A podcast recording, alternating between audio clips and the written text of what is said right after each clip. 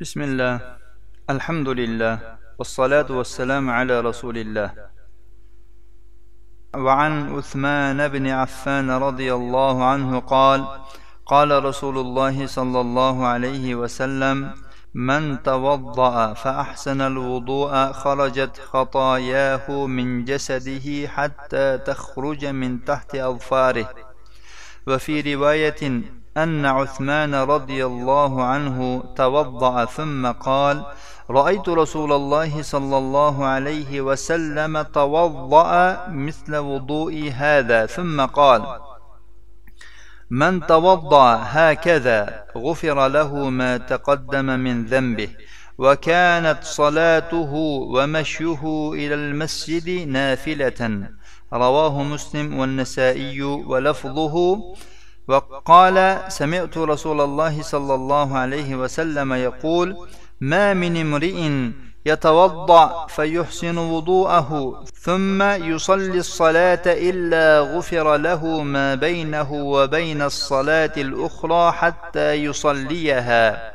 وفي لفظ للنسائي من اتم الوضوء كما امره الله عز وجل فالصلوات كفارات لما بينهن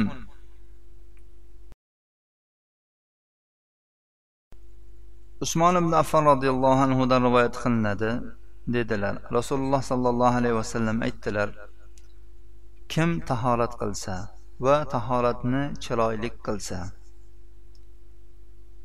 uning xatolari gunohlari jasadidan chiqib ketadi toki uning shu tirnoqlarining ostidan chiqquniga qadar. Boshqa bir rivoyatda usmon roziyallohu anhu tahorat qildilar. So'ngra aytdilarki men rasululloh sollallohu alayhi vasallamni xuddi mana shu taholatim kabi tahorat olganlarini ko'rdim. So'ngra aytdilarki kim mana shunday tahorat qiladigan bo'lsa uning o'tgan barcha gunohlari mag'firat qilinadi. Uning namozi va masjidga borishi qo'shimcha ziyoda bo'ladi unga. Imom muslim va nasoiy rivoyatlari. Nasoiyning rivoyatida shunday kelgan ekan. Rasululloh sollallohu alayhi vasallamdan eshitdimki aytdilar qaysi bir odam yoki qaysi bir kishi tahorat qilsa va tahoratini chiroylik qilsa so'ngra namoz o'qisa uning ana shu tahorati bilan va kelgusi namoz o'rtasidagi gunohlari to uch namozni o'qib bo'lguncha qilgan gunohlari kechiriladi. Nasoiyning boshqa bir lafzida kelganki kim tahoratni alloh taolo alloh azza va jalla buyurgandek to'la qiladigan bo'lsa o'qilgan namozlar o'z o'rtalaridagi har ikki namoz o'rtasidagi gunohlarga kafforatdir bu hadisda ham qo'shimcha bayonlar keldi. Bu yerda ya'ni tahoratni sifatini ko'rsatganlari usmon roziyallohu anhu va bu bilan butun e, gunohlari shu badandan chiqib ketishligi uni masjidga borishi va uni namoz o'qishi ziyodaligi aytildi. Va bundan tashqari imom nasoiyning e, rivoyatlarida kelgan hadis namozlar qachon kafforat bo'lar ekan? O'qilgan namozlar ikki namoz o'rtasidagi gunohlarga qachonki ana shu tahorat alloh taolo buyurgandek to'la qilingan bo'lsa. Ya'ni bir e, chala yuvilmasdan Э, goh suv yetmay qolishi mumkin bo'lgan joylarga suv yetmay qolmasdan to'la ishqalab yaxshilab chiroyli qilib e, suvlarni yetkazib qilingan taholat bilan o'qilgan namozlargina kafforat bo'lar ekan.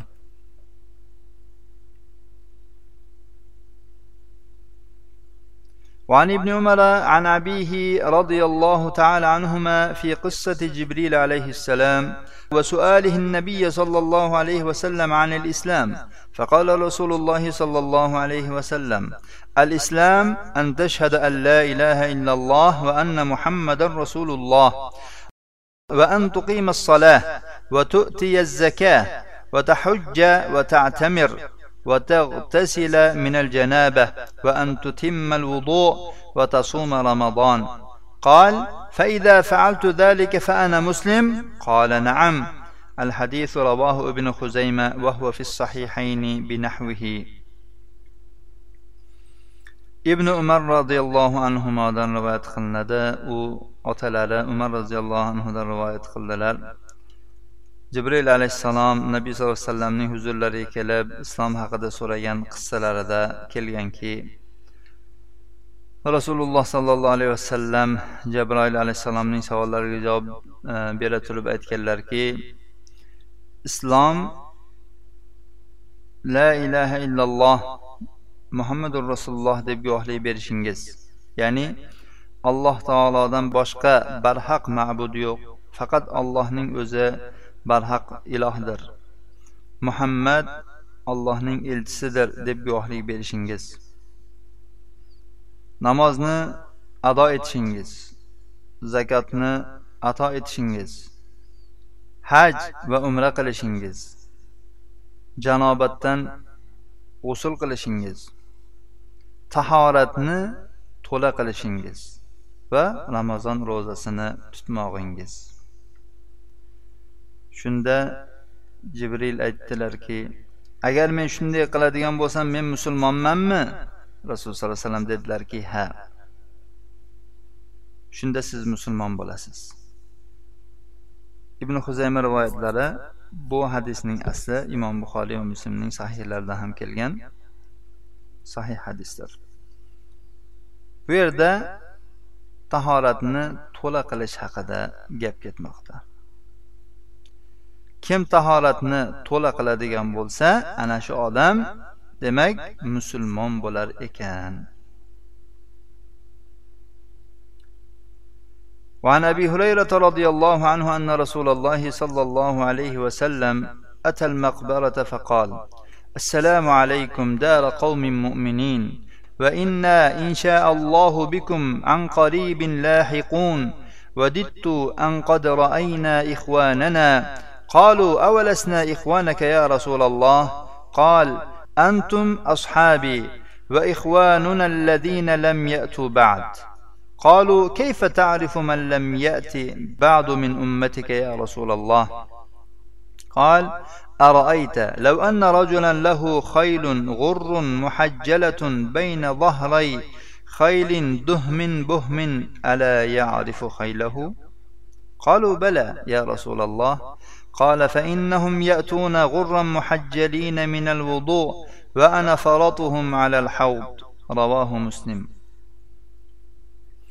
أبو هريرة رضي الله عنه در ويدخل خلند رسول الله صلى الله عليه وسلم مقبرك كالدلر وإتلرك السلام عليكم مؤمن قوم دن إبارة أهل الديار. Biz ham inshaalloh yaqinda sizlarga yetuvchilarmiz. Birodarlarimizni ko'rganimizda edi deb orzu qildim dedilar. Sahobalar aytdilarki ey rasululloh biz sizning birodarlaringiz emasmizmi? U zot aytdilarki sizlar mening ashoblarimsiz birodarlarimiz hanuz kelganlari yo'q. Ular aytdilarki ey rasululloh siz ummatingizdan bo'lgan hanuz kelmagan kishilarni qanday tanib olasiz? U zot aytdilarki qani menga xabar beringchi agar bir odamning peshonasi qashqa tuyoqlari ola bo'lgan otlari bo'lsa va bu otlar tim qora otlar ichida bo'ladigan bo'lsa u o'z otlarini taniy olmaydimi? Ular albatta taniydi ey rasululloh dedilar. Shunda rasululloh sollallohu alayhi vasallam aytdilarki ular tahorat asarlaridan qashqali bo'lib keladilar. Men ularni havz oldida kutib olaman. Imom muslim rivoyatlari ya'ni qashqa degani qashqa odatda otning peshonasida va tuyog'ida bo'ladigan oqlikka aytiladi. musulmonlar musulmonlar tahorat qilgan o'rinlari xuddi otning qashqasidek yaltirab oq bo'lib kelishadi rasululloh sollallohu alayhi vasallam ularni mana shu alomatlardan tanib oladilar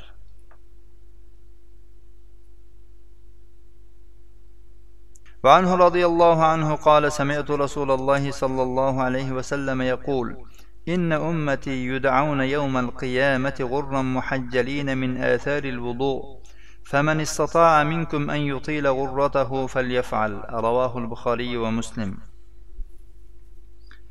أبو هريرة رواية خلاد رضي الله عنه ديدلر من رسول الله صلى الله عليه وسلم شندي ديات كلن اشتم من أمتم قيامتكن دا تهارت آثار qashqa bo'lgan hollarida chaqiriladilar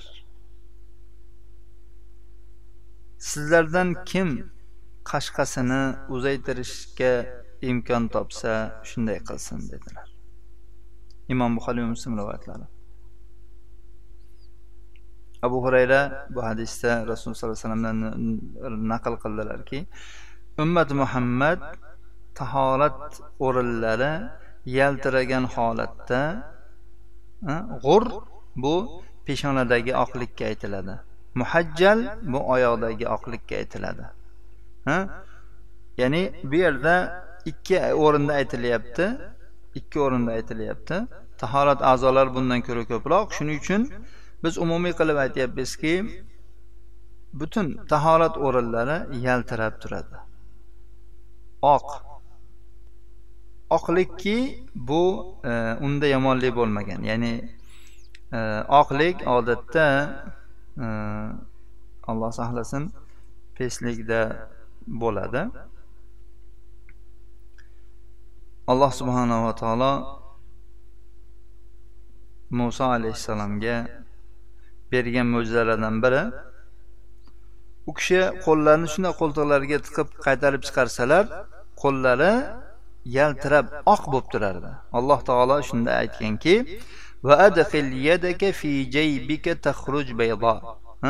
qo'lingizni shunda qo'ltig'ingizga solib chiqaring u oq chiqadi degan. Jayb deb ko'ylakni shu oldida shu e, shu ko'krak qismda e, ochiq turgan joyini e, jayb deyiladi. Shu shu yerga shunday qo'lingizni soling va chiqaring oq bo'lib chiqadi degan alloh taolo. Bu alloh taolo oyatni davomida aytyaptiki min g'oyri su bir yomonliksiz. Ya'ni bu oqlik ha bir kasallikdagi shu pesga o'xshagan kasallikdagi oqlik emas. Lekin bu bu mo'jizakor yaltirab turadigan oqlikdir. Demak ummat muhammad ham qiyomat kunida mana shunday oqlikda kelishadi. Bu hadisda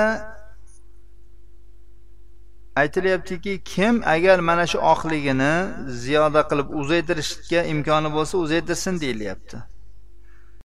Ulamolar bu yerda aytganlarki bu oqlikni uzaytirish haqidagi so'z rasululloh sollallohu alayhi vasallamni so'zlarimi yoki abu hurayrani so'zimi bilmadim deganlar ba'zilari. Ibn hajar fathda aytganlarki bu hadis o'nta sahobiydan rivoyat qilingan bulardan birontasi birontasini rivoyatida shu uzaytirish haqida kelmagan. Faqat qiyomat kunida e, tahorat o'rinlari yaltirab kelish haqida aytilgan oq bo'lib kelish haqida aytilgan xolos deganlar. Abu hurayra roziyallohu anhu bu hadisda rivoyat qilingan zot o'zlari qo'llarini e, yelkalarigacha yuvarkanlar oyoqlarini tizzalarigacha yuvarkanlar va kim shuni e, uzaytirishni imkonini qilsa uzaytirsin deb qo'yar ekanlar. Bu kishidan va ibn umar roziyallohu anhudan ham rivoyat qilingan bu narsa. Bu jumhur ulamo e, buni aksi bundan boshqa qavlni ixtiyor qilishgan bo'lsa ham lekin hadisni rivoyat qiluvchi zot abu hurayra ya'ni nimani rivoyat qilganlari nima ma'noni maqsad qilinganligini yaxshiroq biladilar. Shuning uchun o'zlari shunga amal qilganlar. Kimiki agar shunga amal qilaman deb agar oqlikni e, ziyoda bo'lsin meni oqligim deb agar e, yuqoriroqqacha masalan tizzasigacha yoki boldirni e, o'rtasigacha yoki qo'llarini masalan shu bilaklarini qo'shib nimadan tirsaklardan o'tkazib yuvmoqchi bo'lsa bu e, mana shu ajrga inshaalloh ega bo'ladi. Chunki abu hurayra buni aytyaptilar va sunnatga mahkam bo'lgan ibn umardan ham shunday qilganlar rivoyat qilingan. Yuzdagi oshirishlik masalan bu, e, bu yuzga qo'shib bu bo'yinni shu ikki yonlarini shu quloq ostlarini ham qo'shib yuvish deyilgan. Ala kulli hal bu hadisni imom buxoriy va muslimlar rivoyat qilganlar وعنه رضي الله عنه قال سمعت خليلي صلى الله عليه وسلم يقول تبلغ الحلية من المؤمن حيث يبلغ الوضوء. رواه مسلم. ولابن خزيمة في الحديث قال سمعت رسول الله صلى الله عليه وسلم يقول إن الحلية تبلغ مواضع الطهور. Abu hurayradan rivoyat qilinadi. Yana bu hadis ham aytdilar halilim sollallohu alayhi vasallamdan eshitdimki u kishi u zot dedilar. Mo'minning taqinchoqlari tahorat yetgan yergacha yetadi. Ya'ni tahoratda qayergacha yuvgan bo'lsa uni jannatda taqadigan taqinchoqlari tillo taqinchoqlari o'sha yergacha yetadi deganlar. Imom muslim rivoyatlari. Ibn huzaymaning hadisida kelganki men rasululloh sollallohu alayhi vasallamdan eshitdim e, taqinchoq tahorat o'rinlariga yetadi deganlar.